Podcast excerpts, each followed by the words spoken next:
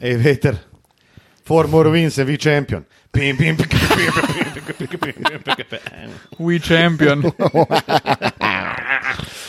Ergin Ataman se je javil iz uh, bunkerja Efesa, kjer uh, so prepričani, da uh, jim Evropska krona ne gine. Dobrodošli v 77. epizodi podcasta Dvokorak. Uh, Fanta, kdo ima recimo številko 77, tako ga poznata morda? Omer Uh, Jurceve, ne ima. Vladimir Radmanovič. Ja, stari, z unimi kitkami v Ja. LL, ker si Model. Jurceven in Vladimir Ra Radovanovič. so kot Radmanovič sta pa dva velika šefa. Tudi ko jo pogledaš faco, sta zelo velika šefa. Um, jaz sem mislil, da bomo šli bolj na prvo žogo, no? da bo naš luke klelene. Ja. Uh, ampak uh, definitivno pa obljubljamo 77. epizodo, da bo v slogu mojstrovin, ki jih prikazuje tudi čudežni deček iz Ljubljane, Luka Dončić v tej številki, v dresu Dallasa iz Teksasa, ki v tem trenutku vodi s 3 proti 2 v seriji prvega kroga končnice lige NBA proti Utah Jazz. Snemamo na torek 26. aprila, for the record. Da, tako da nas ne boste, pa, zdaj pa 3-3, ali- oziroma 4-2, no, se upravičujem, ljubitelji košarke. Fanta, 77. epizoda pomeni še nekaj. Ne? Da je čas, da vaju vprašam, kako sta. Dober, v redu, lahko bi bilo boš. Kako je Ampak pa, sem v kako redu. so pa tvoji mišiči? Mišič Imaš mišiče, da otvoriš vrata. ni idealno, ampak je pa boš, kot sem si mislil, da bo. Grdo je zapeklo na včerajšnji rekreaciji, ampak danes um, skoraj lahko že stopim na prste, tako da po moje. Uh. Tako kot luke, veš, To je- teden. Zdaj si malo bud dal, ko grem ven pa komentirati Euroligo. Si bom butnil bud gor. In je to to. Uh, ja, Matko je včeraj kar presenetljivo uh, na začetku drugega polčasa. Predvsem je bilo presenetljivo, zato ker je na klopi čakal, močno izmučen in zadihani Lukaš Tucin. Jaz sem pa prišel, sem rekel, hej, eh, ne morem, stari. Ko ne moreš? Je pet nazaj, takoj. Jaz se ga boli, ker je šestka dobraža, da si v redu. Stari, jaz sem umrl, sem pil. Bo se še zvedel, da sta se z Jakatom vmes zmenila, da sta deset pik preštela, da je prej konc. Ja, je, ja. To je bila pa definitivno poteza globoke države, ki sem jo predstavljal včeraj na basketu. On reče lepo, koliko je 6-8, kar pomeni v tistem primeru je pomenil 86-78, pa jaz jakatu rečem, ko se zmenimo, da bo 96, pa on ni tako mene pogledal v faco, ker sem hiperventiliral in komaj da živel, pa je rekel, možemo. Redu. Uh, tako da ja, smo za 10 točk smo skrajšali tisto tekmo. Uh, matko, ja, matko pa. Zelo redko dela. vidiš matko, ta, ki, Matko je trenutno day ki to day. odneha, Dejansko. Ne, Day to ki- day. Matko je day to day. Ja, Upam, da se bo mišica pocelila bo. in bo. da boš kmalo spet skakal. v Mislim, da bom v ponedeljek že skakal. Ja, imam feeling, da bo že dobro. Odlično. Ko stikaj tilca, Dober sem. zakva. Kakšno zasliševanje, stari. Uno, zakaj si dobro? Povej mi Ja, takoj. nekaj moraš povedati. Ja, lej, ni- Dobro, sem Luka, veš kaj? dovolj. Življenju. Se veš, da bebe poslušajo sam zaradi. Bebe pa no, še par uh, beta tipov poslušajo sam do tistega trenutka, dokler se ne začnemo o basketu pogovarjati. Pol je pa zadeva končana, ne, kjuzo. Dobro sem, kaj ne rečem, da sem spal dalj časa od pričakovanega, kar mi je dobro delo, glede na nočne smene. Ja, Tilen eh, je definitivno hišni komentator. eh, Hišni, to pa je, ja, ja. Hišni, hišni. Med, uh, med uh, NBA playoffom in upravljaš fantastično delo, moram reči. Kako mi je na nudu svoje se, malo sva se zalizala, zdaj, zdaj pa naprej. Z očmi me je, skleko me je zdaj z očmi. Kako si pa ti, kaj, Luka? Dobro, dobro. Uh, Zakaj? Zakaj? Um, v redu, zato ker sem z vama v istem prostoru. Zato, mm. ker se je pa taj polegel. Pa taj se je včeraj uh, preko noči polegal. Namreč sem res z najbolj polnim želodcem. Uh, neugodno, to je pa vedno basket, neugodno. Pa nisem mogel več piti. Tok sem imel poln želodec, žen sem bil kasvina in nisem mogel več piti. Pa me je pa še malo naslabil na koncu. Seveda. Danes pa lahko rečem, da je zmerno pretežno nemirno v mojem prebavnem traktu. Predvsej dogajanja, predvsej gibanja. Si pazljiv glede vnosov. A, definitivno, definitivno je danes. Zato Uh, si si pa nanudil enega ejla tam. Goldale, ne, ki je eh, d- takole Grenčica. dokazano, je precej bolj blagodejen za črevesno situacijo kot uh, morda kakšni težji. Črevesno floro. To se meni vedno sliši. Kaj to sploh Kakšna pomeni? je Kaj to to obstaja, jaz to Ja, prvič ja. slišim. Ja, ne, ne, so to je izraz. eh, eh, Izboljšajte svojo črevesno floro. Res je, kaj prvič čujem. Jaz si to predstavljam, pač ja, neke bakterije so. A je to kao e, ta Kakor da se malo že- ekosistem, ja. Da se že malo mah nabira. varianta.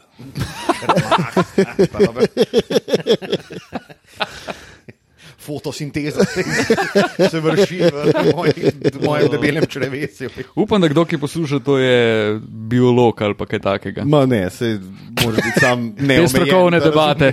Kaj se dogaja? Uh, ne, dobro, dobro. Uh, vesel sem, da sem zopet z vama. Uh, pred dnevi smo objavili naš uh, live posnetek iz 166 hotela v sodelovanju z Groz Basketom in Dobro Vilo. Najlepša hvala vsem, ki ste se udeležili tega dogodka, res smo uživali. Uh, lepo je bilo tudi po koncu, um, ko smo se malo podružili, pogledali tekmo številka ena med Dallasom in Utahom. In moram reči, da to so, to so dogodki, za katere se dela to, kar se dela. Zaradi katerih se dobivamo tako pogosto kot se. In Dogodki, ki štejejo. Kaj to pomeni? Kaj to pomeni? Folk bo zdaj rekel, da se itek premalka dobijamo, tako da kaj to pomeni? Ne, ne, se pravi, da sem zalutal sem kot uh, pataj včeraj v, Tvojo črevesno floro. in potem tudi nekam drugam, če veš, kaj mislim. Bla, bla, bla, bla. Je zarohnilo. Dobro, da ga nisi pozdravil na izust. A morda pa je še čas. Glede na to, da me je malo slabil tudi na poti do sem. Da, uh, morda je še čas za to. Uh, dobro, dobro, dobro. 77. epizoda in zdaj jo bom še z enim. Uh, Presenečenje. Z enim presenetil. Zato, ker vem, da nihče od vaju nima hate kotička, tako da gremo na hate kotiček. Maš? Jaz ga imam tudi. Ti ga tudi imaš? A ga imaš ti? Ne. Ampak je najlažje pa vprašal. ne. obsoditi. ne. Ja, zato je on, uno, vem, da nimata, dajte zdaj meni povedati. To, to, to, to. Ma ne, sej je en. Sadijo. Super. Sadijo, ma ne. Um, lahko jaz začnem v bistvu. Vse sem se ga zdaj spomnil, ker je itak zid. Zdaj je teh hate kotičkov, Tako. Ja, kar- kar- kar kot dosti. gobe podežju. Nikoli nisem mislil, da bom uh, v zobe vzel meni sicer dokaj ljubljenega igralca, sicer kot uh, osebega, seveda ne poznam, KD. KD, svojo izjavo, da je preveč razmišljal tekom tretje tekme, kjer ga je Jason Tatum, mi, milo rečeno, pohrustal. Jaz ne razumem te izjave v resnici. Preveč razmišljaš pri čem? Ti si arguably top 3 šuterjev oziroma top 3 Skorerjev. skorerjev vseh časov. Odigral si Jurija tekem v ligi NBA, CCA in ti si pri 998 se odločil, da boš razmišljal med tekmo. Kaj je ta izjava sploh pomenila? Kaj je on hotel povedati s to izjavo, oziroma kako je on hotel opravičiti to, da ga je pač nasprotnik pomalcev in to brez večjih težav. In pač, da je ekipa potem povedala s 3 proti nič, Mogoče- odkudar, odkudar iz, iz, iz, iz, iz kakšne luk, kakršne, kak, iz takšne luknje. Tako. Pa že nobena ekipa ni 0-3 zmagala, uh, dobila serijo. In... Je pa ena na dobri hejtal, poti. Zato, ker je bil tak nek, nek spin je bil. Kaj da bi, kaj da bi Janša poslušal. Mogoče je on s tem mislil, da je preveč kompliciral. Ne, ampak A veš, da je on Oni imel enostavnejše "Ej, Dayton rešitve. je zelo dobro odigral v obrambi, ti pa rečeš, ja, preveč sem razmišljal. A Veš, to je tako. Se strinjam, ja. A Veš, ti moraš, ti bi, on bi, bi tam mogel reči, hej, Tejtom je res dobro odigral, res je neugoden, dolg je, močen je, pač težko ga je prebiti. On pa, ja, jaz sem pa preveč razmišljal. A, a res KD preveč komplicira, ker vsak njegov šut, ki je, ki si ga pripravil, je ena mala komplikacija znotraj tega, kar on počne. In to je praktično vsak šut v ligi NBA, je tok, moraš biti tehnično dovršen, da priješ do tega prostora, še posebej, če tok igraš ena na ena, kot KD. Zato me je pač v bistvu me je ful zmotila ta izjava, da je preveč razmišljal, a ti si najboljši skorer, arguably, v zgodovini. Tako. Zelo apologetičen nastop so imeli v Ja. Brooklynu. Tudi zdaj po, na tiskovki po izgubljeni seriji so bili, mislim, polno enih stvari so našteli, kva se je vsem sezono zgodilo. Pa ta se je poškodoval, pa, pa Pa Kajri ni mogel igrati, igrati, pa ja. pa Dragi, če pozem prišel. Vse res je, na koncu koncev so oni serijo izgubili na plus minus 14. Ne. Ja, to ja. na štirih tekmah res ni veliko. Se pravi, s tem, da so bili na vseh tekmah v položaju, da jo dobijo, recimo, na eni 8 minut pred koncem, na eni 2 minuti pred koncem in tako naprej. Prvo tekmo je res malo manjkalo, da je niso dobili. Um, No, mogoče je Klekston zgrešil deset zaporednih prostih metov, Ja. kar je deset pik, ki jih ti daš na srebrnem. Uh, da skedim čik do konca. tak je bil. Če me neka mušica mi je tle. Ja, in jaz mislim tudi, uh, kar je kar bizarno, da bo Steve Nash uh, najsrečnejši odpuščeni trener, po mojem, ker on ima. Jaz imam tle- tega, kar se je jaz zdaj imam v tle tej vprašanje. Zgodil. A je Steve Nash dežurni krivec, oziroma a je on glavni krivec za A sta to? videla danes tweet od Stena Van Gandija, kako je v bistvu opravičeval Steva Neša oziroma trenerje, oziroma obsojal tiste, ki po zgubljeni seriji rečejo, ta pa ta trener ni naredil nobene prilagoditve na sistem druge ekipe, ker pač ne poznajo sistema, se pravi, ne opazijo stvari, ki jih trenerji spremenijo. In je omenil en kup stvari, kako so uh, se Tatuma, recimo, lotili v obrambi. Ampak vseeno imamo vprašanje, ali je, je res naredil Steve Nash kakšno tako prilagoditev, da bi jo bilo vredno omeniti, razen tega, da ne vem, Blake Griffina not. Ne, ne, ne, se ni imel, mislim, prilagoditve praktično ni bilo. In mogoče bi se bolj vrnil na tvoje vprašanje. Pa, če ti zgubiš 4-0 serijo, pol veš, da tudi če je bila prilagoditev, je bila po vsej verjetnosti slaba. Bila Oziroma- napačna ali pa nekaj. No, vse, vse smo rekli, minus 14 je bilo v štirih tekmah, vse ni nujno, da je napačno, se res pol neki detajli. Ne? Ampak jaz bi rekel, ja, Steve Nash je definitivno krivec za to. Ampak ima pa toliko odgovornosti za to, kot imajo njegovi igrači.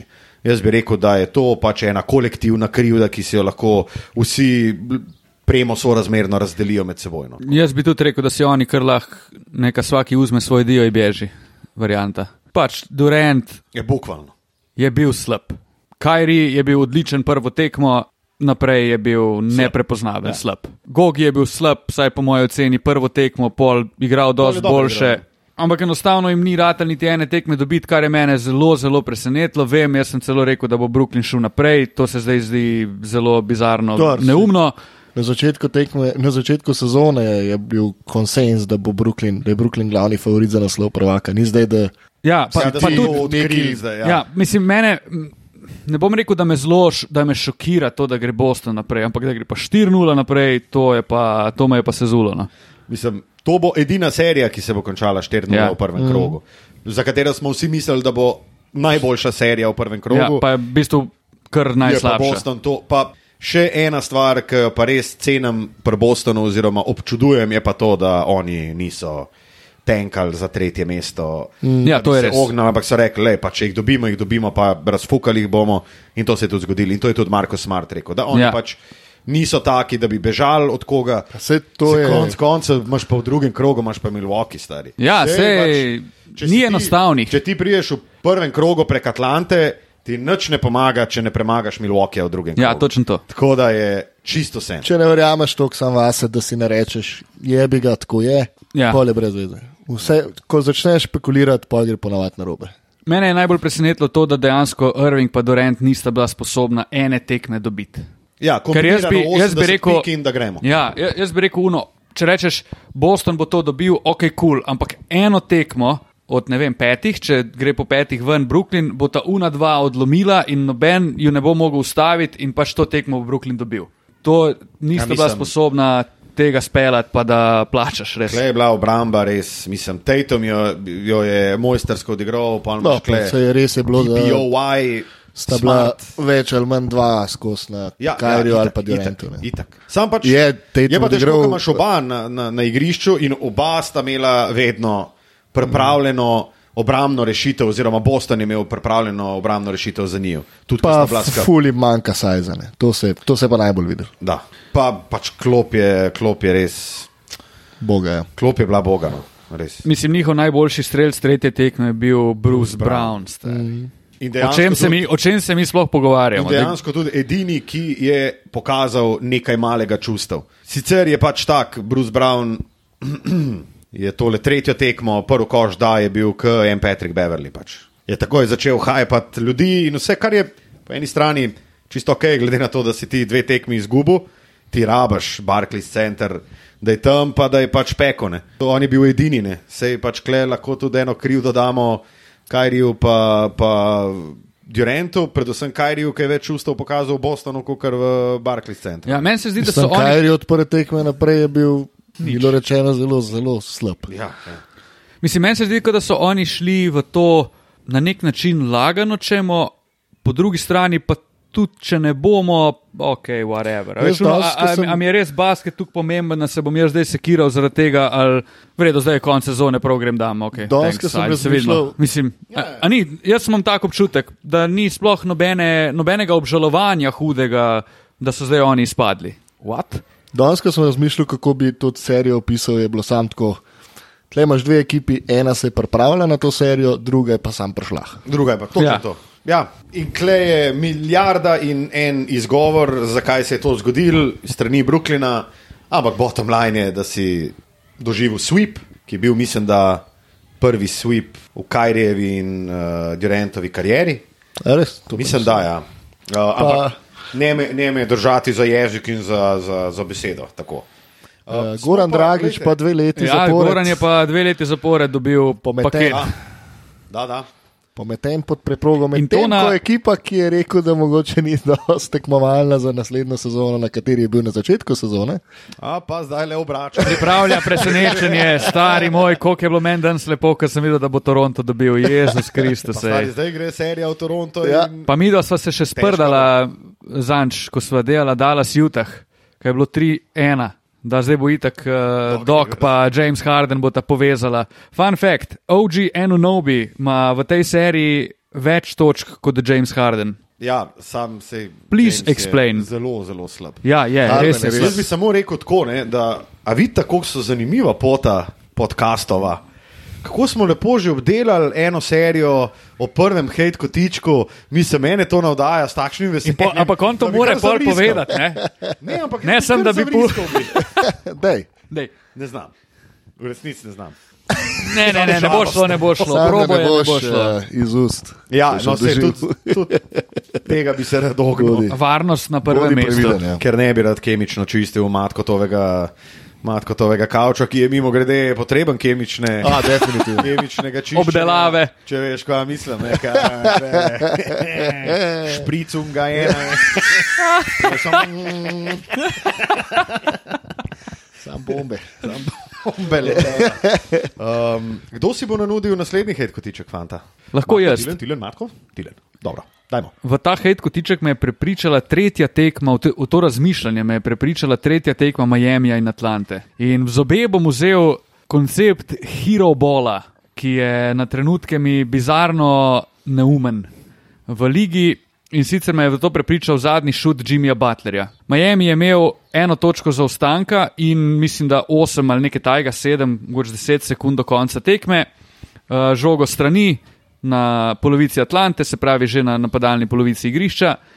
Vsi pogoji, izpolnjen bonus, zaostaja še eno piko, Jimmy Butler gre po žogo.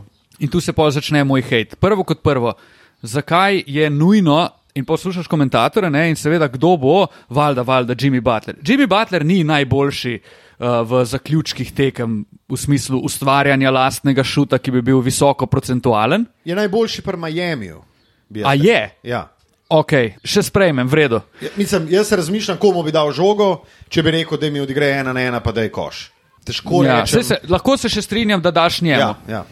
Ampak da Jimmy Butler izvede najtežji šut možen, v katerem je porabil 3 sekunde, da je dvakrat odbil žogo na mestu, pa je šel pa v desno stran, naredil iz trojke step back na iz, ne vem, 7-24 je naredil step back na Osem. 8 metrov in šutnil fade away v out pol metra prekratko trojko. Razumem, da imaš ti sekundo pa model pol do konca. pol razdalje, ne? ja, Ja, itak. Bonus je izpolnjen. Zelo, zelo slab šuter si za tri, pa ful si dober v drivu, pa izsiljevanje osebnih napak, pa ne vem, karkoli. Ogromno časa imaš. To gre meni zelo na, na rac. Ampak oni Ko so. si ljudje vzamejo to pravico, češ. Ampak zdaj to se ful pa- doskrat dogaja Ja, v resnici. Tega je ogromno. tega Pač zakaj, zakaj greš izvest najbolj nes, zakaj tako ne šutiraš sred tekme? Pač, Razumem- ker je slab šut, ker je obupen šut. Razumem, da to naredita recimo Dame Lillard pa Steph Curry. Ne pa, ne pa nekdo, ki ima 30 Razumem. 27 In uno, dokazano so šuti to, ki jih ona dva lahko zadeneta. Ampak da si pa Jimmy Butler nudi tak šut, mi je pa tako bizarno neumno, da sem prav uno model. To pa je vprašanje, kaj si Ja. ti razmišljal? A si mogoče preveč razmišljal, kaj di, ne vem. Pač, Pa Tega je zakaj, res, tega je res dosti. Partizan, recimo, zadnjič proti Bursi. Isto zadnji napad, imeli so nekih 8 sekund, zato ker so, ker je Holland vrgel full, full zgode. Panter prije čez sredino, neka dva driblinga in šut z 9 metrov. Ja. Zakaj? Pa bonus izpolnjen, vse štima. Dej, Pač to so neki taki- Kontakt, neki, neki. Ampak ne, ne. Ful je takih tekem. Will. Clyburn, lani, polfinale, ja, CSK. Ja. Stari, dal si jim 10 pik iz roba rakete, samo zato, ker si se not zabojen, ker imaš enostavno sajš čisto vsak. In zakaj je Dirk Novitski zadeval mete zaključku? Tega, ker je vedno ga naložil tam okrog rakete in pač on svoj fade away spelal in ga najverjetneje tudi dal. Razumem, da imaš ti dve sekundi do konca, nimaš časa, nimaš izbire, Ja, valjda, fretojne še od kot pač, kje jo pač dobiš. dobiš, ne. ja. Ampak ne, da imaš ti ena na ena kritje, vse štima. Vsi pogoji za to, da greš v prodor, da probaš nekaj več narediti, ti se vržeš v avto, pa jo šutneš. Mislim, Na koncu, What the koncev, glede na to, da smo se pogovarjali, da Miami mogoče nima clear cut kandidata, komu daš žogo, ampak da je to nek, recimo, strinjamo se, da je, da je to Jimmy Butler, zakaj ne gre kdo drug po žogo, če imaš toliko časa, Ja, ja, pa postaviš ja, Jimmyja v položaj, Ja. ja. kjer je Nek lahko nevaren. In pride na pol razdaljo in tu če ga fukne Neki. iz fadeawaya, iz težkega položaja, to je med, ki ga Jimmy dokaj redno zadeva. Tako. Se strinjam, s tem se ful strinjam in meni gre recimo ful na živce. Se razumem, da obramba tudi dobro reagira, ampak pri vseh teh odločilnih metih uh, se. Jaz verjamem, da v 80 odstotkih primerov zgodi, da ti ne dobiš šuta, ki ga želiš.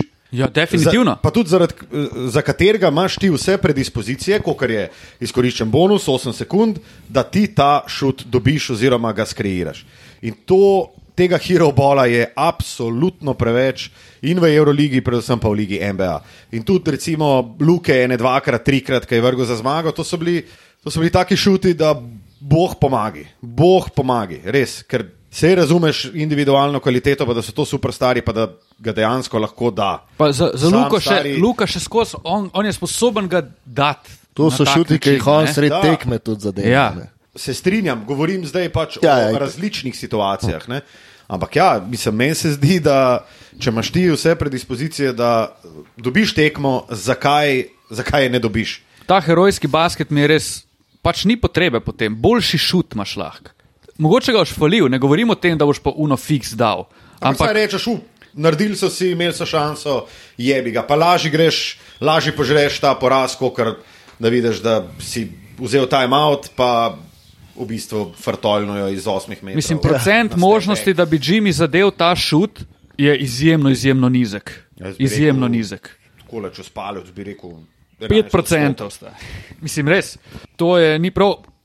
Poleg tega je pa pol še poveličevanje takih šutov, oziroma nekritičnost. Noben ne bo rekel, to je bil slab šut. Ampak kao, Bo. Butler je probal, Ti, zato, ker si ti glas razumatilen. odlično, Luka, hvala. Zelo Kaj pa dobro. porečeš na to serijo Atlanta, Miami? Da je Trey Young v peklu. Jup.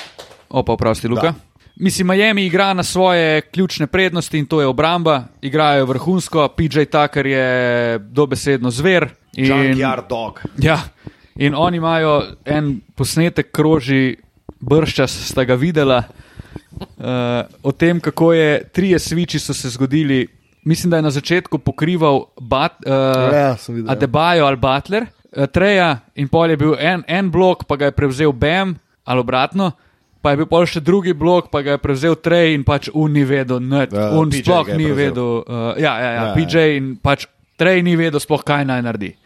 To je definitivno najslabše, kar se ti lahko zgodi kot superstar playerju, ki je undersized. Ja. In da te lahko pokrije nekdo, ki v bistvu igra petico, To je za Treja Janga, kot si rekel, to je, To je nočna disco mora za njega. Stari, to je, Zaradi tega tudi Atlanta nima. Mislim, Atlanta je dobila eno tekmo, pa še to so rabili zelo, zelo dobro zadnjo četrtino, kaj je Miami vodo, ne vem, mislim, da 10 ali 15 že v tretji. Ok, tekmo so dobili, mogoče bodo tudi še kako, sicer dvomim, ampak Miami je letos, po mojem, da razred boljši. to je ena izmed redkih serij, ki smo jih v bistvu kar pravilno napovedali. Sicer je še ni konec, daleč od tega, Ja. ampak zelo težko, po mojem. No, je pa vsi- 3-1, pa, je- pa petajo v Miamiju. Ne? Sej, ampak, kot smo rekli, 4-1 Ja. bo in to je to. Zelo težko je pričakovati, da bo Atlanta proti takšnemu Miamiju, takšna Atlanta, dobila tekmo. Ja, me pa če da veseli. Trey Young 60 pik. Ja, pač ostali težko. najverjetneje ne bodo dali nič. Ne? Pri ostalih bo pa lepo ključavničar, prle, frsan, sajter, no, pa zaklen, zaklenitev in živijo. Tako. Me pa veseli, da so, po eni strani me veseli, po drugi pa tudi ne, ampak v bistvu se dokazuje še enkrat, da v playoffu ti moraš igrati dobro obrambo. Ja, ja. In naprimer serija, če do nje pride Boston Milwaukee, do česar bo prišlo, in kdorkoli od tukaj gre naprej, pa če Miami gre prek Filija ali pa Toronta, kar jaz mislim, da Miami, če pride. Ko pride mimo Atlante, da bo to dosti podobna zgodba tudi v drugem krogu, ker vem, Toronto dvojni, da lahko Miami stavče, Filadelfija pa tudi težko. Se pravi, bomo imeli finale vzhoda dveh ekip, ki res pač trgajo gate v obrambi. Miami pa Boston imata naj, dve najboljši obrambi v ligi. ja. Pač to bo dogfight Bo na višji ravni. Kaj pa naprimer proti Brooklynu, ker. A si opazil, koliko so že daljše tekme? Ja. Oh, ful so Stari moj, jaz sem gledal, mislim, da je neko, spet bom čez palec rekel, ampak neko povprečje NBA tekme je 2 uri 15. Ja. Zdaj so v playoffu. Ja, dve uri pa pol Velika fiks. večina tekem je 2 uri pa pol. Jaz sem imel zadnjič četrto tekmo Golden State Denver. Tekma laganini 3 ure. Brez, brez nekih, mislim, sej se uh, pika razlike je bila, pa res zanimiva tekma, ampak stari 3 ure. Lagano sred tretje četrtine, že 2 uri 15, kot je bilo povprečje. in Jaz sem sam gledal, ok, da jaz ne bom v pol dveh doma, ampak bom lagano 15 čez 2 mirno. Lej, spet me veseli, da smo obdelali še Miami, Atlanta serijo. Mislim, le kar zavriskal bi. Kako brzimo, brzimo. Kako brž, Ja, bržemo. drvimo. Drvimo. Drvimo naprej, čuču, matko, hej, kotiček. Na, v seriji Minnesota, Memphis Uuu, switching to West Coast. se je zgodila eh, številka 3, Mm. na kateri je dvakrat ekipa Minnesota vodila z več kot 25 točkami. Od, Um, In to še enkrat, tri enkrat, so se, enkrat so se vrnili na sedem, drugič eh, pa so imeli tudi nek nor niz, nekih 15 pik zapored, brez odgovora. Drug niz je bil pa 21 nič. Nagradno vprašanje. Koliko timeoutov je Chris Finch vzel med temi? Uh, delnimi Zero, zero. Zero, zero. Zero. Mislim, on je drugo leto zdaj trener in tukaj sem se malo tudi na Steva Neša hotel nasloniti. Um, trenerji v ligi NBA so proti trenerjem v Evropi, mislim, to ni primerljivo. Mm -mm. Po znanju, oni imajo ogromno enega drugega znanja, kako delati s temi igravci, na kaj paziti in tako držati neko kohezijo, ampak tako imeti ta feeling za znanje. igro, taktično znanje, ne to, da ti napadalni koordinator pove, kaj se splača zdaj odigrati, po obrambni, kako je bilo pametno switchati. Ne, sam feeling za tekmo, da stari enostavno ne smeš dovoliti, en Greg Popovič, en Željko Obradovič, ne bi dovolil, da se zgodi niz 10-0, 21-0. Pa ni z Pa ne 10-0 v 10:0, playoffu. stari. 10-0 Ne bi v dovolil, da se je ogromno. ne. 10-0. Ne, ampak tudi um, recimo Mike Malone ali pa Mike Badnoholzer sta taka, ki je 4-0 delni zid timeout, isto Popovič. Ne? Rick Carlisle. Rick Carlisle. Imaš pač trenerje, ki so tako pač no bullshit, le, dal so nam dve zapored. Ja, ja, ja. Dosti je. Mrš, mrš na klop, pa gremo. Ne? Tako je. Sar je sam tega, pa to je ta Phil Jackson strategija. Ne? Kao, ne sami ugotovijo, kaj narobe delajo. Ja. Ampak stari Finch ni Jackson. Ne, Ne, fora je moramo tudi, zavedati. Mislim, so, o tem so se mislim, Pa pol vse, pogovarjali. vse, kar je prav. Jordana Pipna, pa Charles Barkley in oni mislim, da so se pogovarjali, Kenny Smith je to rekel, ja, da je tudi Rudi Tomjanovič je njih včasih pustil, da so enostavno sami rešili problem, ki je nastal na igrišču in za kar so mogli najti rešitev. Ampak to ni, to je ekipa, kjer igra Karl Anthony Towns, brez pravih izkušenj v playoffu, D'Angelo Russell, brez pravih izkušenj v, playoffu, poti pa v bistvu. Edwards, brez play-offa. Sploh, Sploh. itak. In ne moreš ti takim igralcem pustiti, ti moraš njim pomagati, priti do te točke, da jih boš lahko čez dve leti pustil, ker boš vedel, ok, ni panike, fanti bodo to rešili. Konec koncev je Edward se v tej seriji izkazal še kot najbolj Ja, kompetenten član Minnesote, da, da bi recimo vmes rekel, fanti, zdaj pa dajte meni žogo, pizdite stran. On je mene kar navdušil. Šest pik v tem nizu 21, pa mogoče tudi več. ne. No, in medtem se je seveda zgodila tudi fantastična izjava Karla Antonija Townsa, ne? We in, Mine- we in Minnesota now. oj, oj. Uh, poleg tega, Zelo dobro se, tudi Morant pol na Twitterju. Ja, poleg tega, da se. Delo. Um, da se kvas še hotel povedati, da se ful dogaja nekaj, nekaj se ful dogaja. Jaz se fulj strinjam s tem, tudi kar si rekel, da pač ja, dej, dejmo čez dve leti to delati. Dejmo, ja. Dej zdaj ustav igro, pa dejmo se naučiti, kako lahko naslednjič vi to A sami. ja, um, tle bom pa Bila Simonsa, spet si malo sposodil, um, ki je Karla Antonija Townsa označil za najslabšega, najboljšega igralca v Ligi NBA. Uhuhu, on pa Donovan Mitchell. In igralca, ki ima najmanj feelinga za basket, najmanj game awarenessa, ima Karl Anthony Towns, ki je sposoben pri treh faulih sred druge četrtine, potem, ko ga trener vzame ven, v želji, da se ne zgodi še kakšna bedarija. Prijeti noter in narediti falu napadu. In to se dogaja praktično čisto na vsaki tekmi. In da si ti toliko časa v ligi, da se imaš za najboljšega shooting big mana v zgodovini, ker je tako izmišljotina.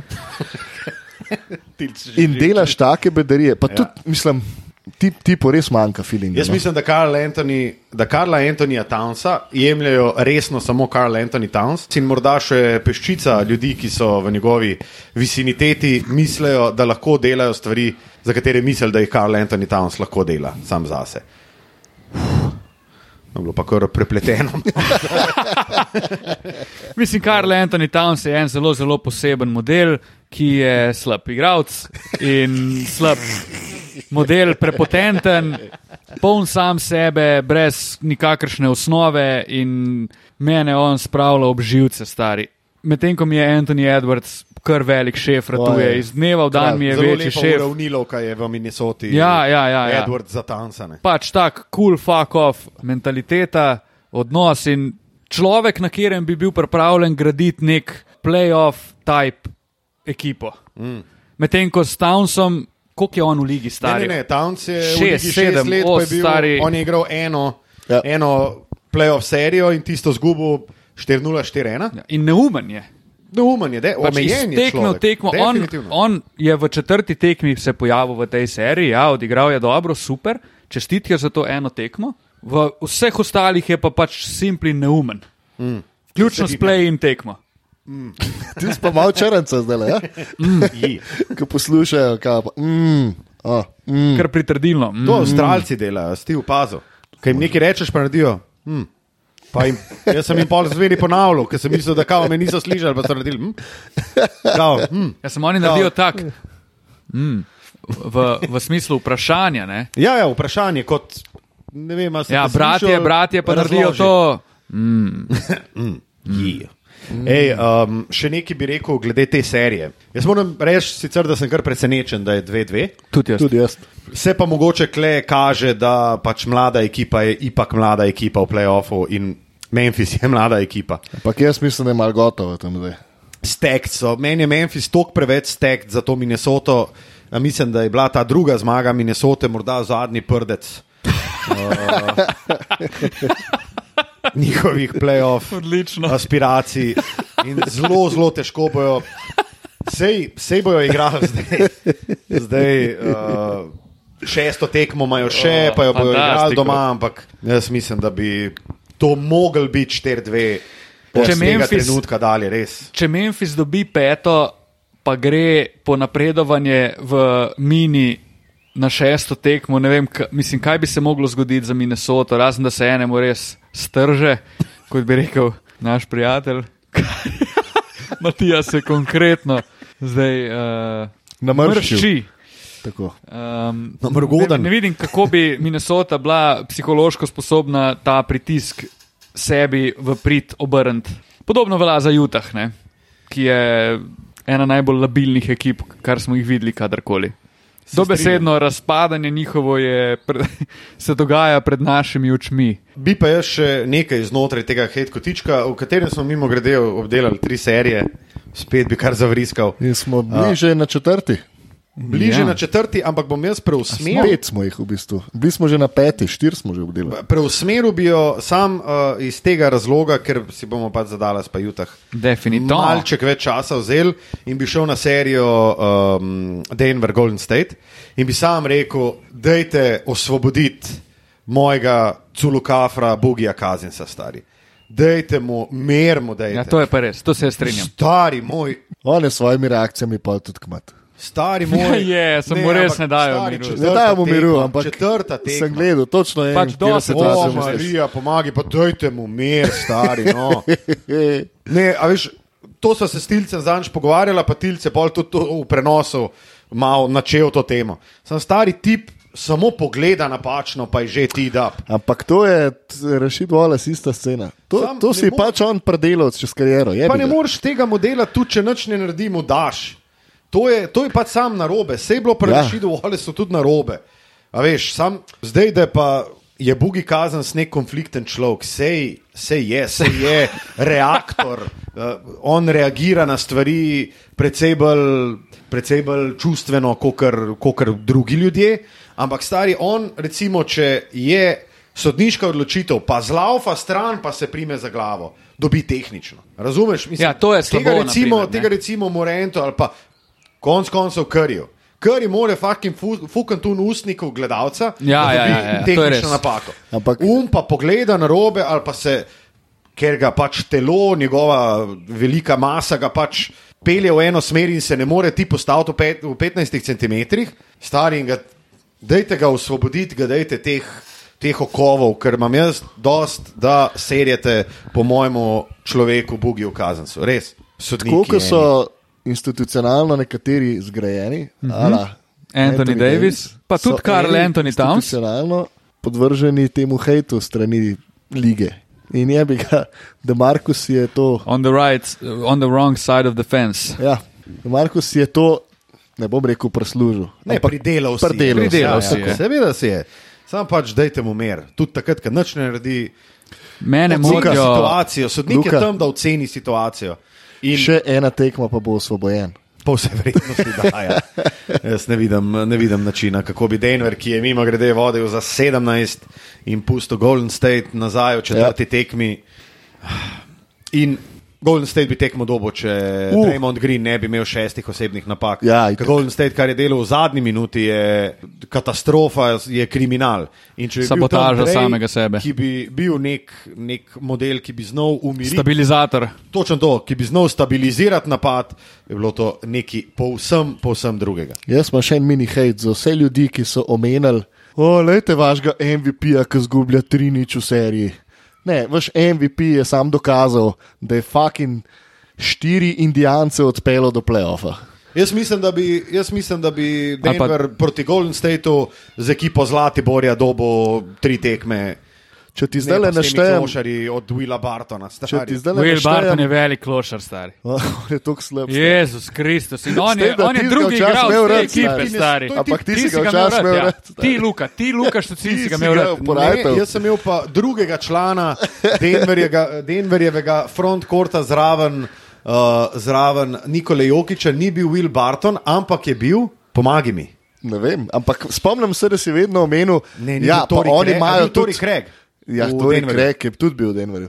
Ampak vedno, ko smo se pogovarjali o Denverju in kao njihovi peterki, si rekel, pa tleh še Will Barton. A dobro, okay, to sem mogel pač, to sem mogel pač malo. Uh, Mečkan si. Mečkam sem mogel nahajati Denver, ne, ne Willa Bartona. Ampak Mečkan si. Eh, Če ti zdaj le naštejem igralce pri Golden Stateu od 6 do 9, se pravi po tem, kam spadajo po hierarhični lestvici, in igralce od 2 do 5, ki trenutno začenjajo tekme pri Denverju, bi definitivno izbral Golden State. od 6 do 9. Dej, ne, sej, sej lahko jaz. Dej. Šestka je v bistvu kar je zdaj pri Golden Stateu, ker ima še. Tako. limitacijo minutaže.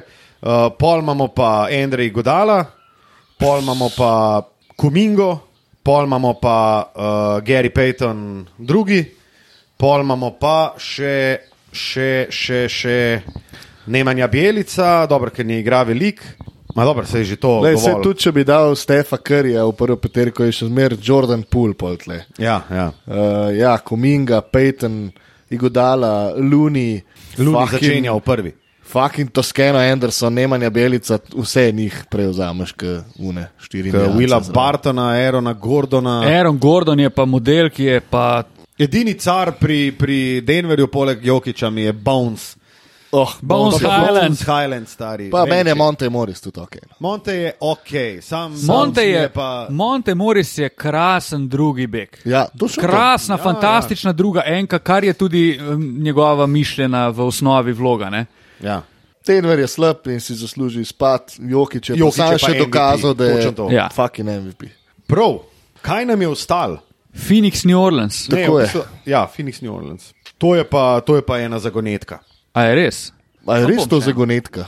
Zagonetka, v, zdaj ne vem točno v kakem smislu, obžalujem, da je Luka šel v. Mislim, frižider. zagonetka mogoče, da nobenemu od nas ni točen jasen, kako je 2-2. Ja, jaz sem stari. Jaz sem Hvala, pogledal, ja, ja, naprimer, Uspel sem. na, naprimer New Orleans. Vsi smo tretirali New Orleans kot neko šodar ekipo, ampak tu moramo malo kredita dati CJ-ju McCollumu, ki je v veliki, veliki meri v smislu to ekipo je. Pa en- Brandon ne igramo. Ja, ampak Brandon je bil že prej tukaj. Ne? Z McCallumom so oni dobili eno novo, eno drugo dimenzijo, dodatno dimenzijo, ki lahko ponudi na eni strani dobre strelske izkupičke, po drugi strani še eno nevarnost več, kar odpira več prostora za Brandona Ingrama, ki tudi igra zelo dobro. In um, pol njihova ekipa, imaš unga modela, ki je ta Hayes, kako je, Pa, full dober stari. Grand Theft Alvarado, ne. Grand Theft Alvarado je Herb. Jones. Herb Herb Jones, Jones. Herb Jones. Kralj. Pomaš pa, pomaš pa Jonasa Valančunasa, ki je v določeni meri, ok, vprašanje, a bi rajši imeli v ekipi Jonasa Valančunasa ali Karla Antonija Townsa? O, ta je težka. Stari, Ta je ja težka. bi raj imel, mislim, ve, je vemo vsi, težka. koga bi jaz Jonas raj veš, imel. Da ti da 14 pik, 12 skokov. To rabim. Vsaka tekma. Un ti pa zajebe. Sam uni superstar, Jonas pa ni. Ne.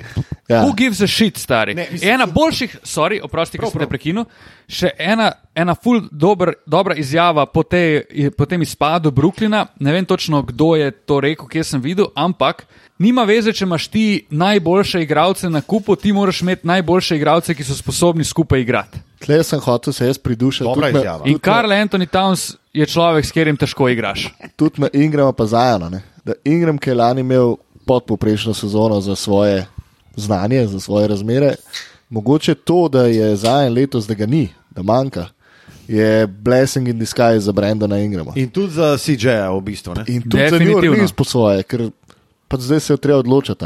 Ali res hočeš plačati za Ana Williamsa na 200 mil, zato da sploh ne veš, če bo, koliko bo igral, če bo igral. Po drugi strani imaš pa modela, ki ti dobijo playoff tekme. A smem odgovoriti? Ja, vemo, kakšen je odgovor, Tilen. Ne. Kaj govori v. Dajmo, dajmo se še malo ustaviti tukaj, ko smo bili v taki zelo dobri debati danes. Bi kar zavriskal človek.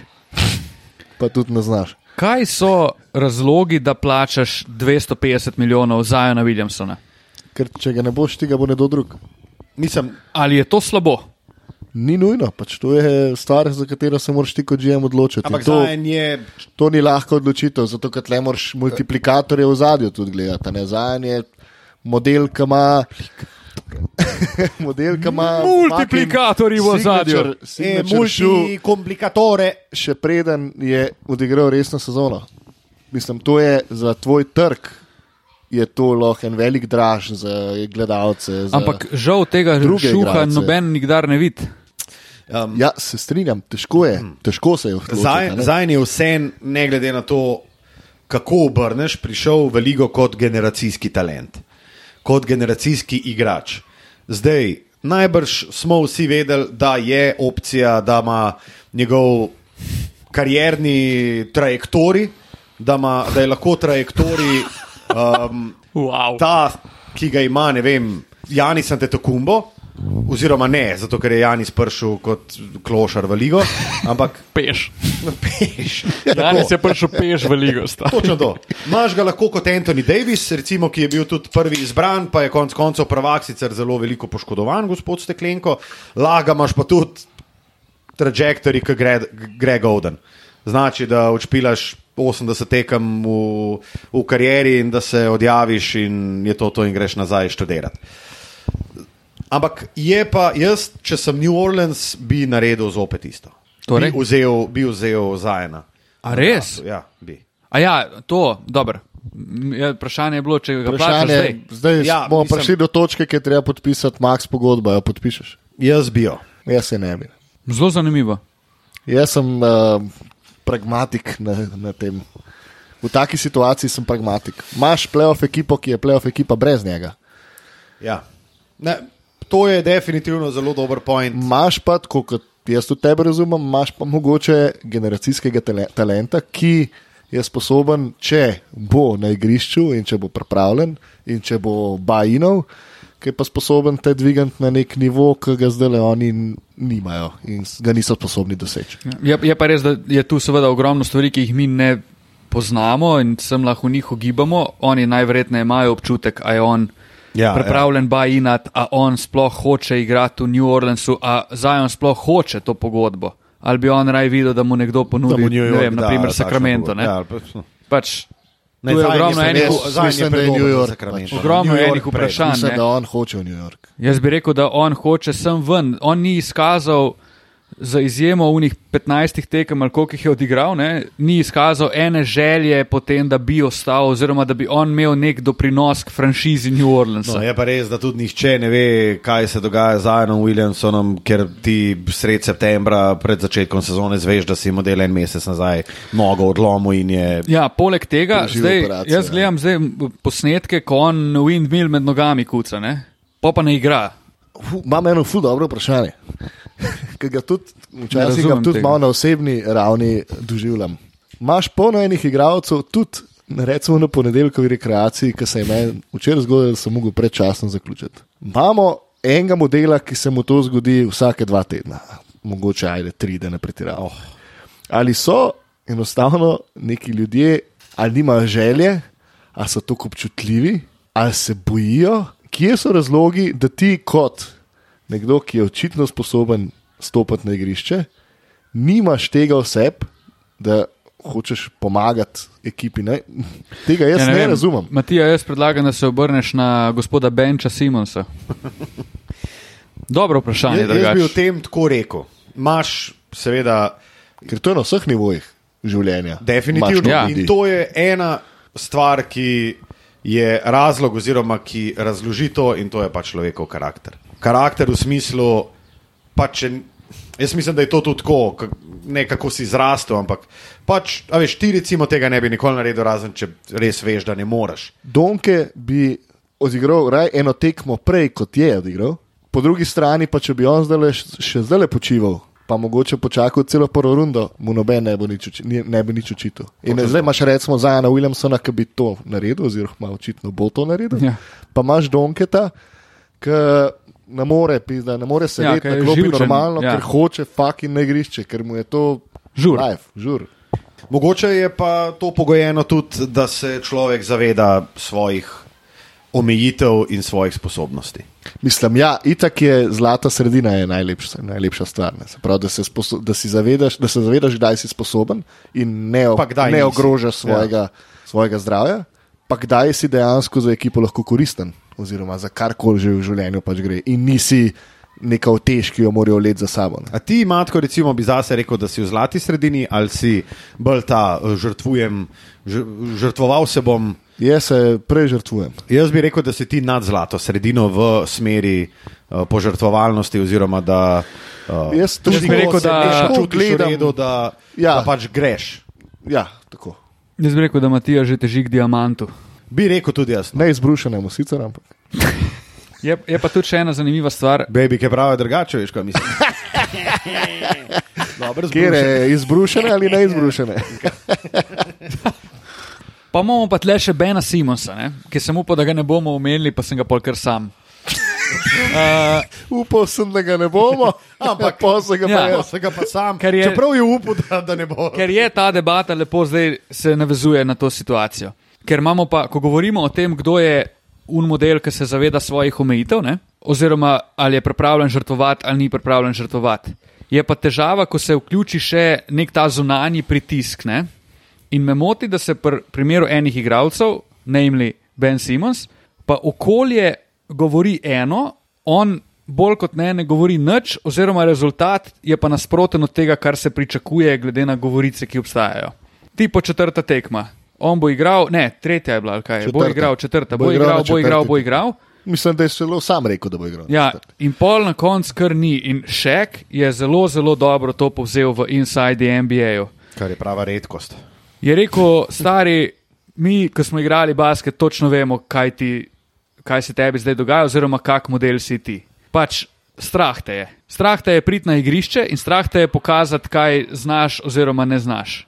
In jaz se strinjam, da je za tajega igralca, kot je Ben Simons, ki je celo sezono spustil, pa ne spustil zaradi ne vem, operacije ACL ali nekaj, ampak zaradi tega, ker mentalno ni izrev, zakaj bi on prišel igrati četrto tekmo, stari? To sam ne rečeš, da igra in če prideš. Točno to, Točno stari. tako. Zakaj rečeš, Ja, ja, da ja. bo igral in, in na koncu ga niti na klopi ni, kao back pain.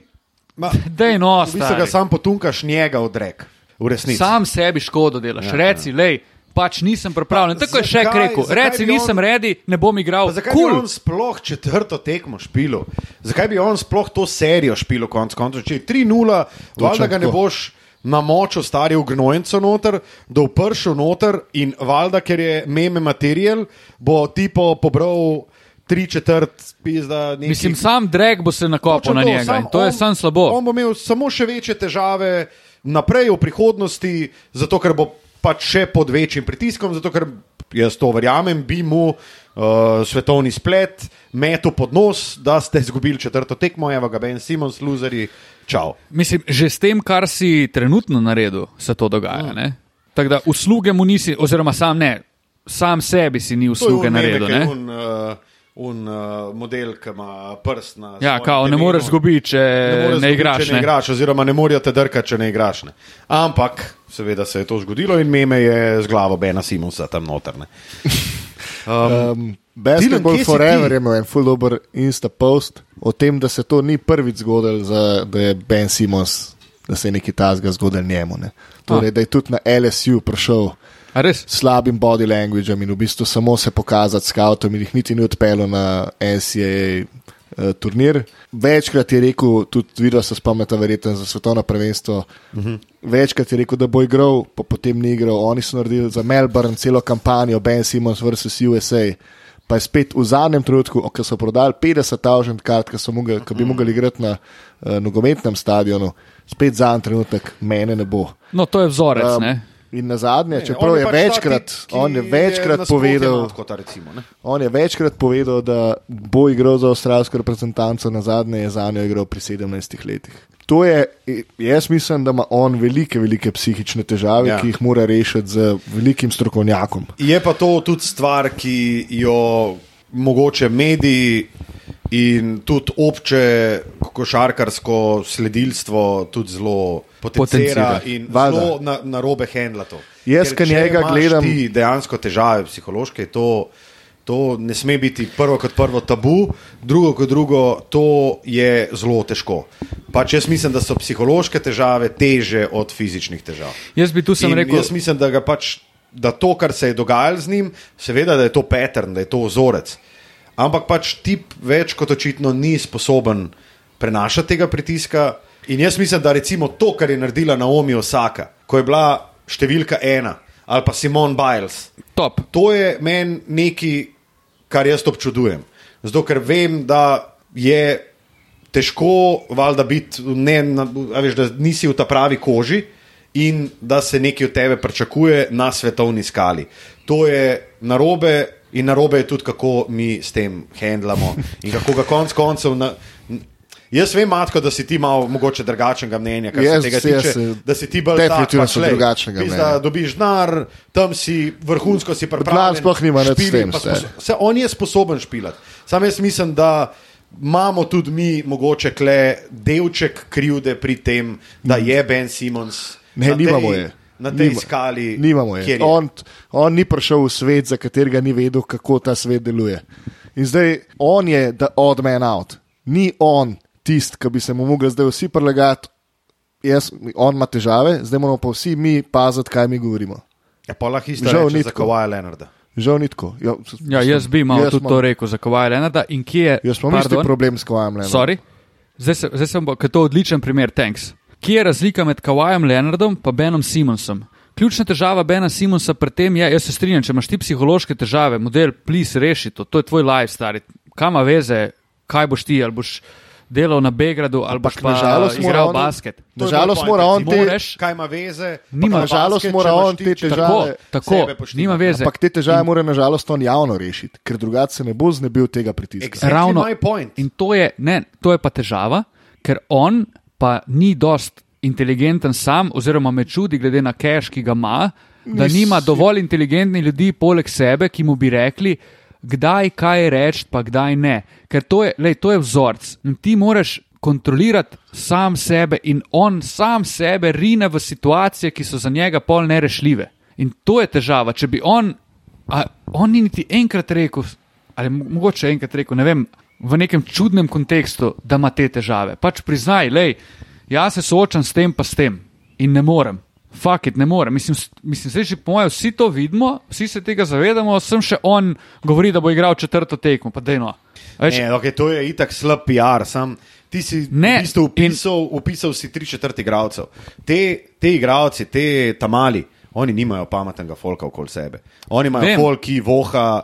Sam nimajo pa tudi takih Bling, težav, ki bling. jih ima on. Ne? In to niso težave, ki so se pojavile zdaj, to so težave, ki jih ima Ben Simons par let že. In razlika med njim in Kawajem je ta, zakaj se noben ne pizdi nad Kawajem. Vs- Vsem gre na kurac na Kavaj, da ne igra, ne? ampak Kavaj je tiho, ti sploh ne veš, da on obstaja Ja, na ja. tem svetu. Ne? In Pa se ne pride boš. nazaj odlom. Ja, pač on prije nazaj, ko je redi in mogoče bo to čez dve leti, noben ne bo vedel, zakaj je on zdaj manjkal tri leta ali koliko že leto pa pol ne igra. Mislim, nič ti ni jasno, ampak pozabiš, da Kawhi Leonard obstaja, ker je tiho, vsaj nič ne reče. Ben Simons pa. s- On ima pa skozi nekaj zapovedati, pa klač sports, groza, on, on ima klač sports zraven sebe. Da oni niso sposobni njemu reči, hej, šefe, zdaj pa za tvoje je boljše, da nehaš. In oni še potencirajo to. Pa vsakič, ko so se šli z Derijo Morijem pogovarjati, je to treba bilo povedati. Pa vsakič, ko se zdaj pogovarjajo, ne vem, zdaj so se pogovarjali z uh, Seanom Marksom, pa ne vem kom. Pa dajte mir, dajte človeka pustiti na miru, da reši to, kar ima za rešiti. Noben si ja, v tej zgodbi ne dela miru ne bo usluge. dobil, to je jasno. Strinjam se tudi s tabo, da bi ljudje lahko to reševali boljše, oziroma to sprejemali boljše, z malo več empatije, da jim rečem, razumevanja. Moj point je pa, da on sam sebi ne pomaga. In, in vse izvira, to je isto, kot ti ne moreš pričakovati, da boš imel dober kolektiv, če si šupak. In v tem primeru je on šef in vsi. Ljudje, ki gledamo basket, smo pač njegov kolektiv. Ne? In če on sam sebi ne pomaga, pa če sam ne zna pravilno reagirati, je težko pričakovati od ljudi, kot smo mi tri, ki pač tle sedimo pa se pogovarjamo, da bomo imeli zdaj izjemno mero razumevanja pa empatije do njega. Ne? Kje si pa ti na tej lestvici? Jaz bi rekel, da grem v težim bolj k temu, da se žrtvujem, ko je to potrebno, ne pa do te mere kot matko. Jaz bi rekel, da si ti blizu te, te zdravega razuma. Ti si tako, ali tako si v vseh pogledih eh, Zra- zdravo razumevajoč zdravo- nes. Zdravo razumen človek. Pač on po dveh perih gre, medtem ko mi dva ostaneva še na petih. In da se žrtvujemo. Ja, mi so pa, pa žrtvi, pravzaprav. Ne. Ja, jaz sem tudi sposoben pač nehati piti pere. Tudi ostanem, ampak ne, pač neham biti per. Ne? Per, per je bil tako pač nek. Ja. Ampak tako, ti si zdravorazumski človek, ki ve, kdaj je reči, "Glej, to je to, hodo je bilo, grem, oziroma isto pri basketu, oziroma isto najbrž na drugih, uh, drugih nivojih življenja. Pač si nov bullshit model in veš, kaj je najbolj zate in temu stremiš. Ja, čeprav na basketu pa ne bi prej nehal nikoli stari. Raj bi umrl na igrišču, po mojem, pa da bi rekel, jaz ne morem več ali nekaj takega. da še špilaš, ne, pa ne moramo tega videti. Ne. Ja, dober, kjer si z mano igral, Luka, v svojem preširnem življenju. Sam za njega sploh ne opaziš, da ga ni. a Veš. Ja,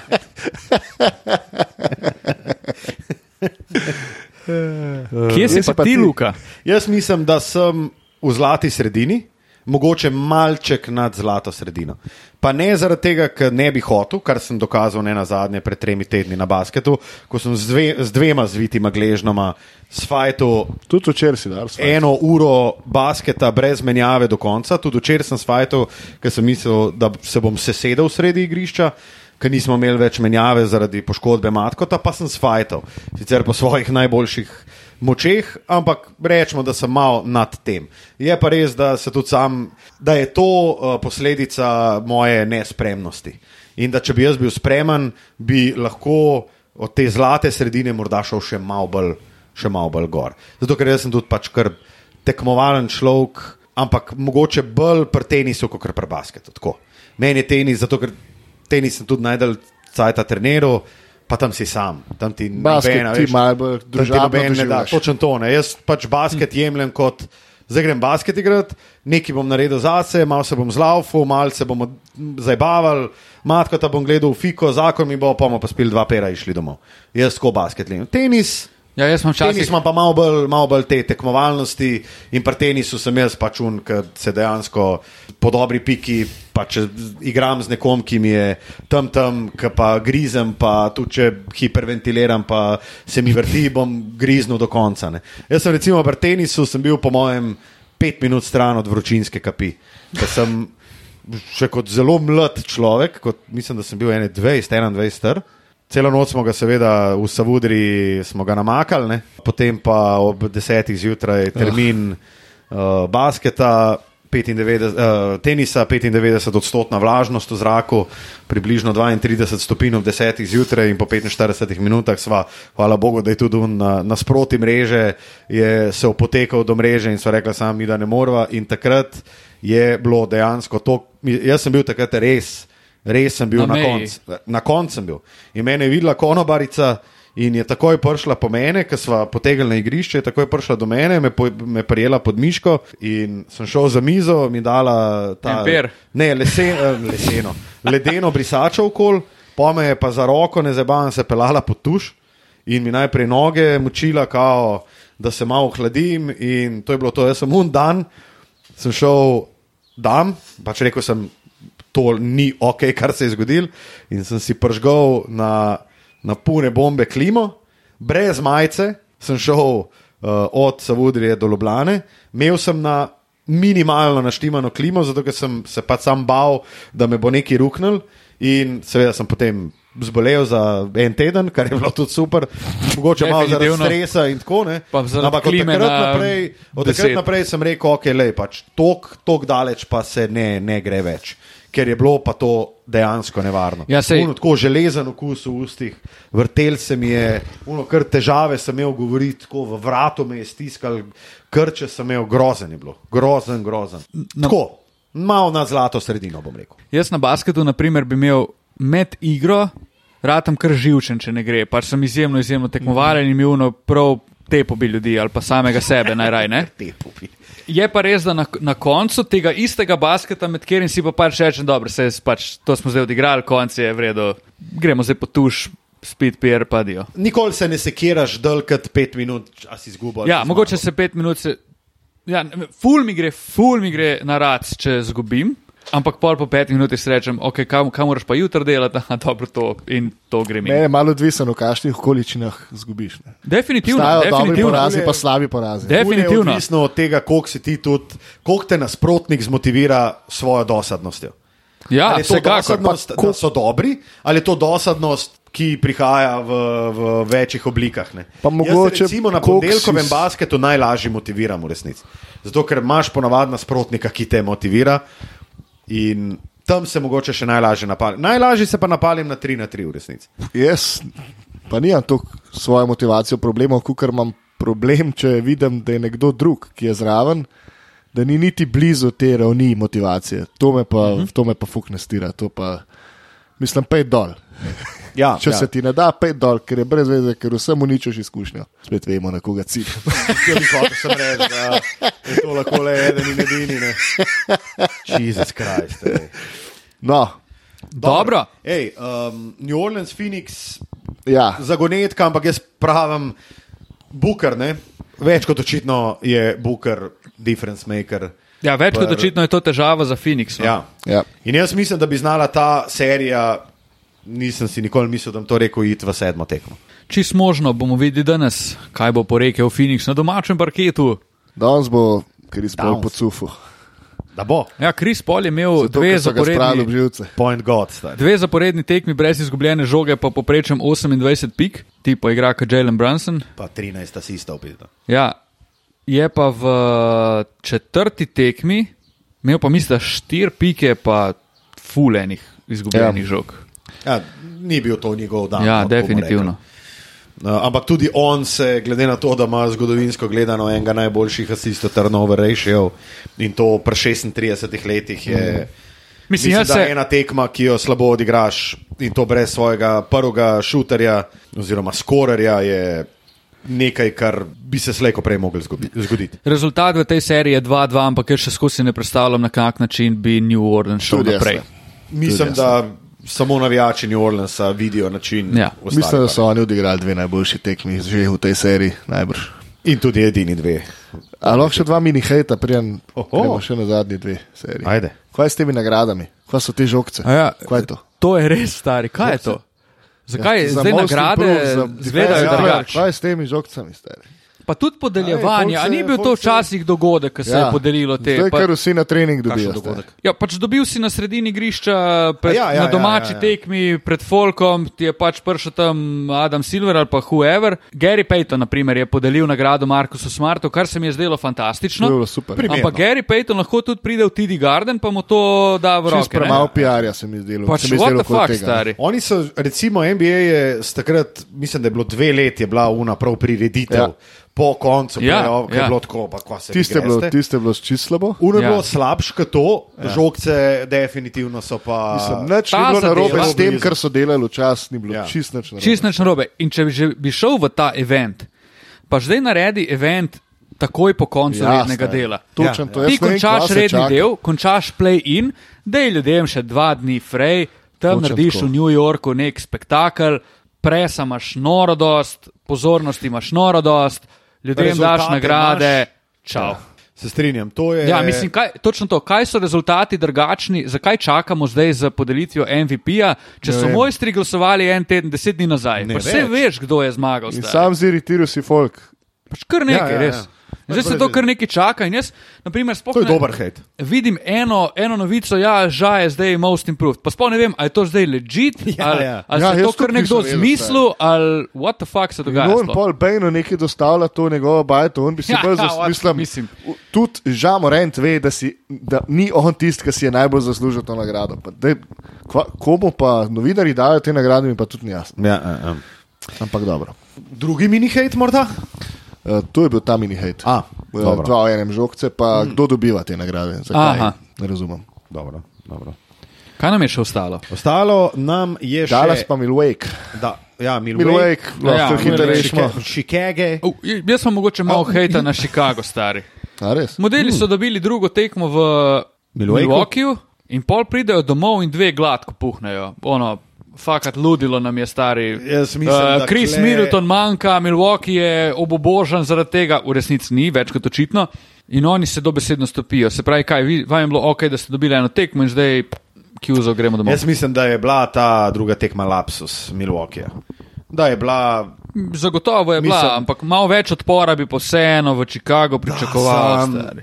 Ni, ni, oni niso equipped za ta Milwaukee. Stari, oni niso equipped, da jim Middleton ne špila, pa ti Grayson Allen, šajba, trole, stari. Oni na dveh zaporednih tekmah v Chicagu dajo Ja. ja. več kot pet, pet trojk. S tem, da je imel na neki točki, glede na to, da sem jaz tudi to. Uh, četrto tekmo gledal, na neki točki komentator rekel, no zdaj pa zadev devet zaporednih trojk med igro. Seveda si je deseto na nudo, kada je, kada je Steph Curry križan z Jordanom in To redu, ne. to je vse v Ampak redu, to je čisto vse v redu. Ja, all good. Um, jaz mislim, da Mi- Milwaukee je tok stacked, tok deep. Oni so z nekim Graysonom Elonom, ki ga sicer večina ljudi ne mara, ampak ki je vojak, ki bo upravil svoje To je delo. spet ta Duke. Uh, Točno to. To je klasična Duke Duke prešlaga, ne. Ti so igral, ne, Grayson Allen. ja. bi bilo zanimivo, če bi bil v tej ekipi, ki je taka fajterska, bi on, po mojem, kar zelo opasal. Živel Holiday je ful dobro rekel, da mu žvižga, kao, da ga bujajo med uh, tekmami. Ja, zato, sega. ker mu bolj sede, kot to, Ne, da, da, to ga, je- da mu navijaš. To je tudi zaradi tega, ker on je, on je, najbolj hejtanih igralcev Ja. v ligi. on je zrušil Karusa letos. Ne? Chicago Ja. ga sovraži zaradi tega. in ono. Jaz sem delal tekmo, ko, se on, ko so prvič prišli igrati v Chicago v rednem delu po tem incidentu. In pač to je bilo noro. Dobesedno 48 minut tekme, ko je on primo žogo, je bilo pač United Center je šel v plamene. In takrat je dal, mislim, da dve točki. Ja, dobro. Bil je zelo slab. Ampak se ni igral 48 minut, ampak Ja, ne, igra pa- igra pa 14 dobro tip. Ja, dobro je. Ampak ja, Milwaukee je tok preveč stacked in tok preveč equipped za, za te. Opremljen. Meni je, opremljen, ja. meni je nor, meni je pri Milwaukeeju, moj najljubši igralec Milwaukee je, po mo- dobro, Janis, ampak poleg tega, moj Bobby Portis. Pa se nisem mislil, da bom kadarkoli to rekel, ampak Bobby je, stari on je župan Munger je pač. Meni je živel glas. Mislim, meni je Žru drugač. Uh, Celo ljubši tudi od Mislim, Janisa. naj, največje, največje spoštovanje v tej ekipi imam zagotovo do Džruja. Ampak tako, če je mogel na podlagi nekega entertainmenta zbrati, bi pa definitivno Bobby Portis bil daleč pred ostalimi. Bobby Portis je maskota, mirno, Tako, Milwaukee tako. in ko se bo on upokojil, dajte ga tja, stari. Ja, župan, fiks. Župan. uh, ok, Milwaukee, klele prolazi v prolazu. Dallas Jutah. V noči iz četrtka na petek je na sporedu šesta tekma. Ali Ta Dallas podcast mora biti torej objavljen pred tem. V Salt Lake Cityju. Da. Da. Da. Ja, ko lepo smo se Že strinjali. način, kako so izgubili v bistvu četrto tekmo v Salt Lakeu, ki so jo mi da delala. Dallas je vse, kar je lahko naredil na robe, je naredil na robe v zadnji Vključno, minuti. vključno s prvim polčasom tudi. Ja, dobro, okay, ampak sej pač kle Ja. se je videl, da Dallas je igral katastrofalno, pa je bil še vedno zraven, pa je ja. še vedno bil tam, pa še vedno imel šut za zmago. Ki je bil pa tudi najbolj očiten šut za zmago vseh časov, mislim, Luke.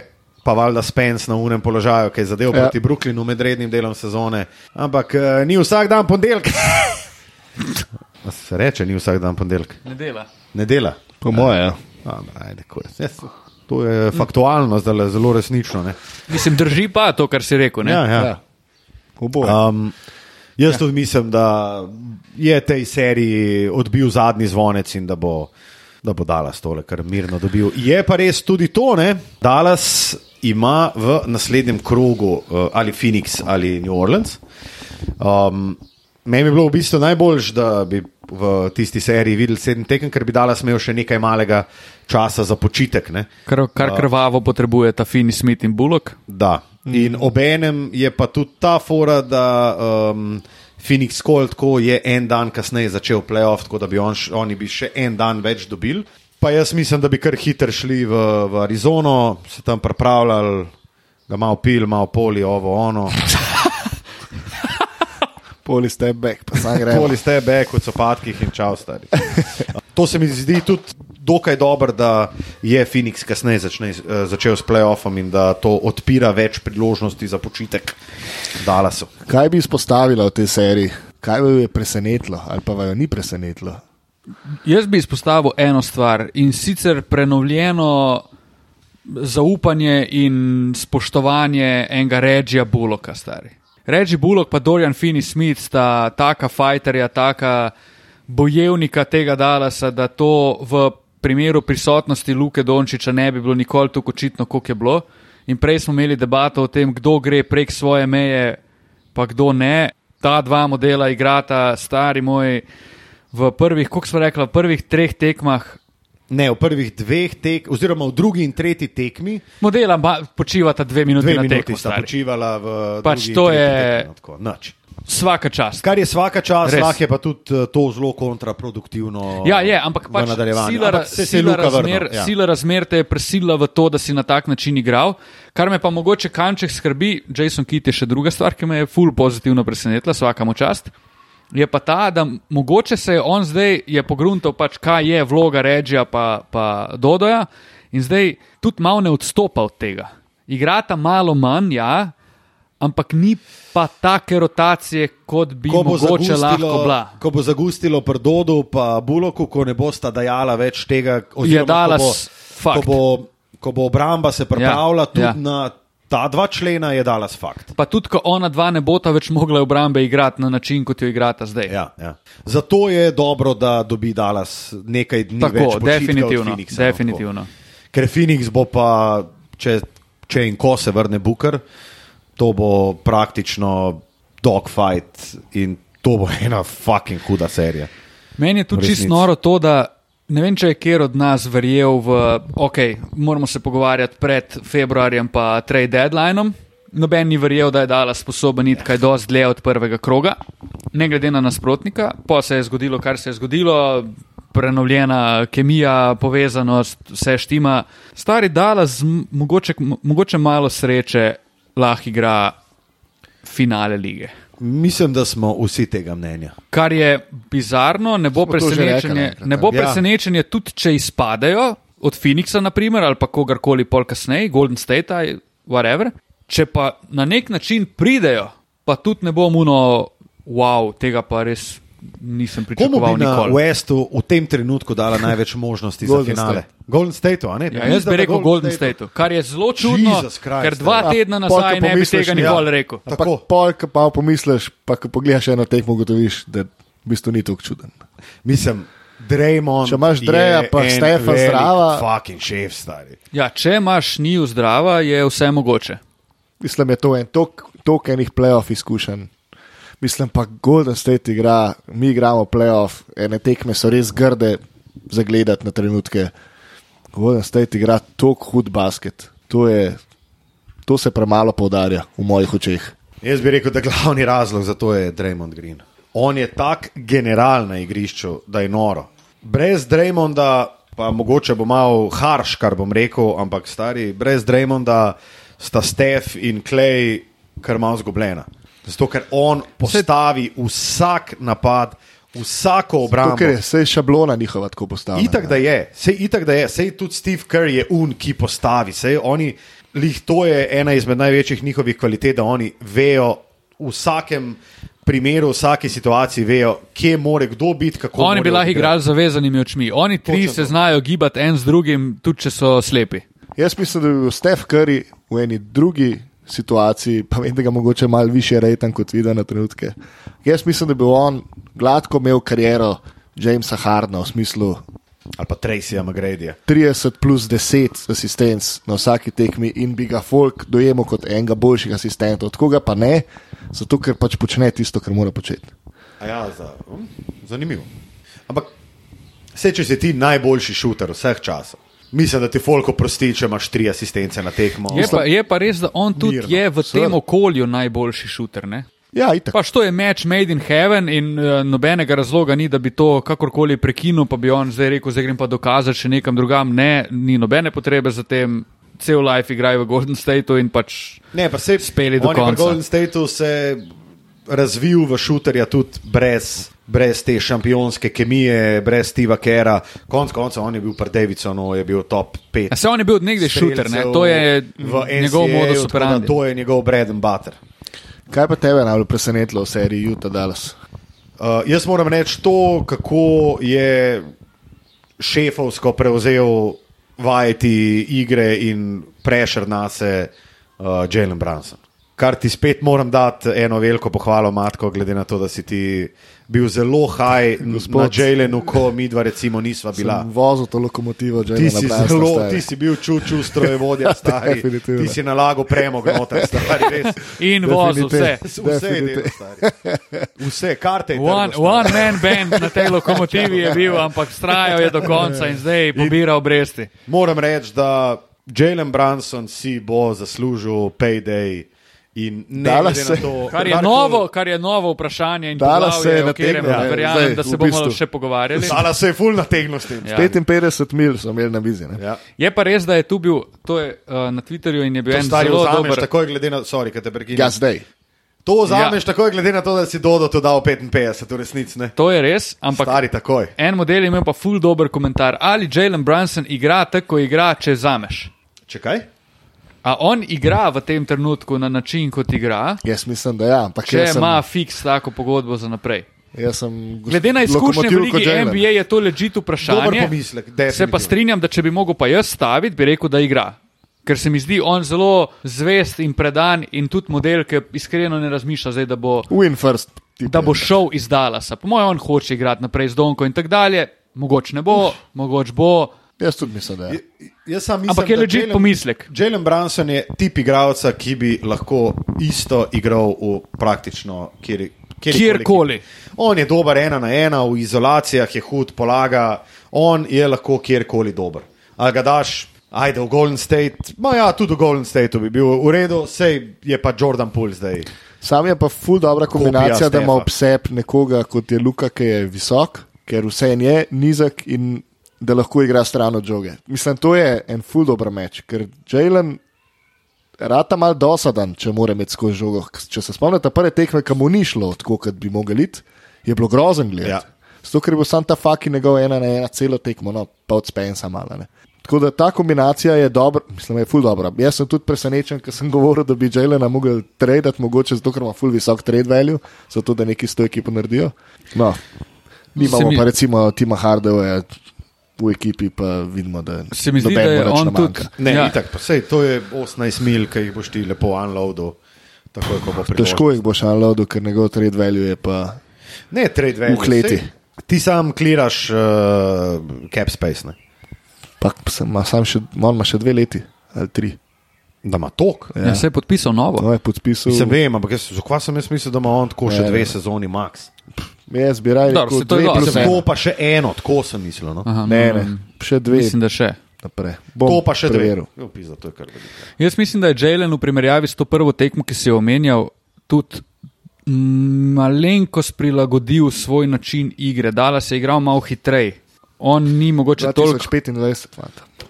Oj, oj. Pa pa v bistvu upaš, če si Dallas sam na to, da če ti Jalen Branson gre, da ti Hardaway proigra, pa da ga enkrat unloadaš v smislu, da ga, da ga tradneš še z enim pikom in nekaj dobiš za njega. Ne vem, kak je cap situation za v Dallasu, ampak glede na to, kako Jalen igra, Jalenom bo nimaš. Letos je cap space, je, oziroma cap si- situation predala so dobro, sam naslednji let pa Ja, sledi super Jalenom- od Luke. Ne?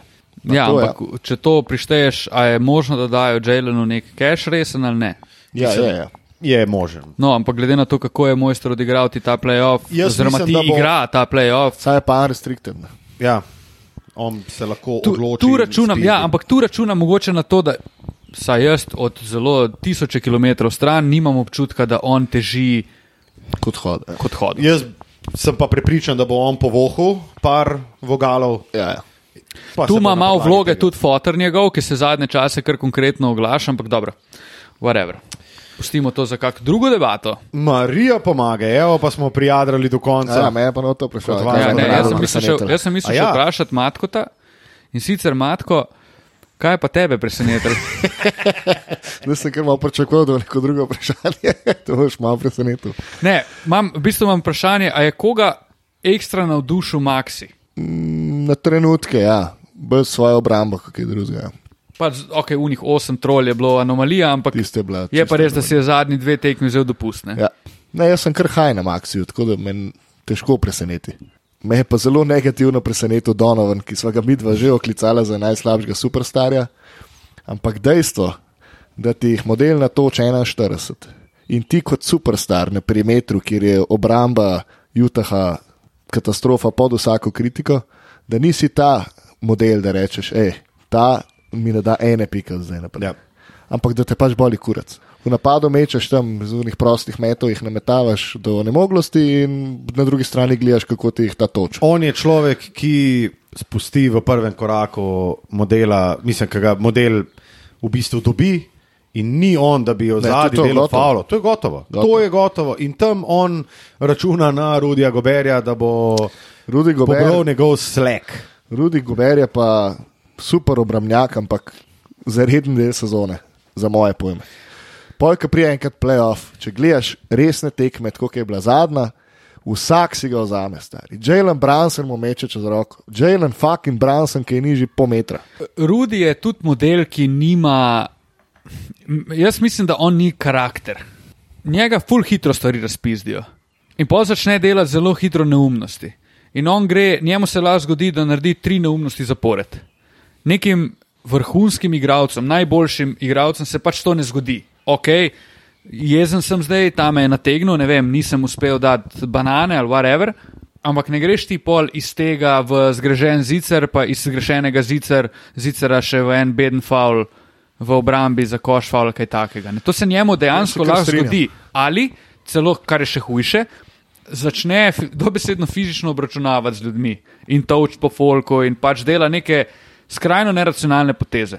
Jaz bi rekel, edina stvar, kjer on dela veliko razliko, je skok. Predvsem skok v napadu. In Druga stvar, to, kar si rekel, se jaz ful strinjam in kar bi rekel, da je tle največji problem, on se ne more v svoji igri na nič nasloniti. tako. Njemu, ko enkrat nekaj ne steče, on nima, nima safe spota, Tako. ok, zdaj bom pa jaz to naredil, samo zavest si bom. On nima rešitve za samozavest. Ne. To je, to je čist res. On je njih ubijal v skoku, ampak to se je v zadnjih dveh, naprimer danes je Dallas izdominiral v skoku. Ampak dobro, ta tekma je ne bi, ker je bila čista anomalija strani Utaha, statistična je ne bi to ful resno jemal mogoče, ampak on nima rešitve. Z, z povratkom Luke Dallas, eh, predala so tudi skok štima. Mm. In Rudi Gober je človek, ki je žal nekoristen, kar se izkazuje pri Utahu iz sezone v sezono, ker na identičen način izpadajo že tri oziroma štiri sezone zapored.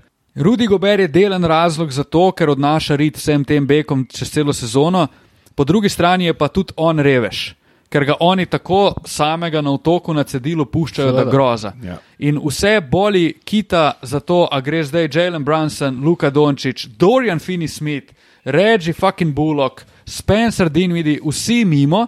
In pa se seveda krivi Rudija Goberja, ker njegov Maxi Kleber, Dwight Powell, Davis Bertans pač pokajo trojke izposod. Ker Rudi, jebi ga, navajanje, stoji v raketi in pač tam pokriva ljudi, ki jih zgore prebijajo, kot na železniški postaji. Tam je uno, sem pet, izvoliš, dobrodošli, gremo dalje. Mislim, Ja. ja. smešnica. To je, to Ja, je, res to je gledati to iz uno, vsak drugi dan je bizarno. Ker si rečeš, ok, zdaj bom pa tri obrambe gledal Donovana Mičla. In model, tudi če ni na on-ball defender, on ignorira, kar se dogaja. Rotacija ne obstaja, pomoč ne obstaja, bump ne, oba, ne obstaja, obupni so. Royce O'Neill je človek, ki se trudi, pri čemer bi pa zdaj še eno veliko pohvalo, in to je Babo Bereta stari. Model je dajo po 25 na tekmo, dokler Luke ni bilo. Ko je Luka prišel nazaj, je Dobro ga primarni pokrije, stari. defender na njemu, igra agresivno, igra obrambo po celem igrišču, medtem ko oni drugi, dobesedno, pardon izrazu, zatisnite si v šest, ampak svirajo kurcu, stari. Tudi Luka Dar pokrije babota. Res je. Svirajo Ma, kurcu, saj, dosti je Donovan, Mike Conley, to, to so taki svirači, stari, uno, res trubači so mojstri. Trubaduri. Lej, točen to, stari, da ti je babo najbolj agresiven, on-ball defender. To Si ti, veš, da si v taki banani, da te tudi derbi ne more rešiti, stari. Ne, resno. Mi smo gleda, mislim, mi smo delali uno tekmo, stari pa folk v Vivin centru. Ne. Videli so stari, da je bil babo fucking bereta edini, ki je špilo obrambo, tako kot se zagre. On je prijel pa človeka ob, uh, ob izvajanju in ga je držal. In je trgo se stari. Pa ti rabiš babota za to, da ti jih natoči 30 stari. Mm. Ne rab, mislim, ti ga ne smeš uporabiti za to, da je on tvoj najboljši on-ball defender, kar je grozomo. Uh, mimo grede pa Zek Levin, uh, Health and Safety Protocols in sezona Bullsov je efektivno končana. Dame in gospodje. No, in tole je seveda p, p, p, p, p, alert in uh, breaking news, s katerim uh, tudi zaključujemo epizodo številka Sedem in so. Sete set. 77. Jaz grem jutri v V Italijo tako gre, stari, jutri pa- že začne malo uh, vadati. Drugače pa setanta set. Setjant, se, oh, setanta sete je pa tudi. Setanta uh, set. Setanta sete je pa tudi Smo v Španiji, naslov prijatelj. enega zelo dobrega dokumentarca. Uh, predlagam, da si ga ogledate. Kakorkoli, hvala za vašo pozornost, drage dame in gospodje, kar se tiče podcasta Dvokrat. Aj, čau.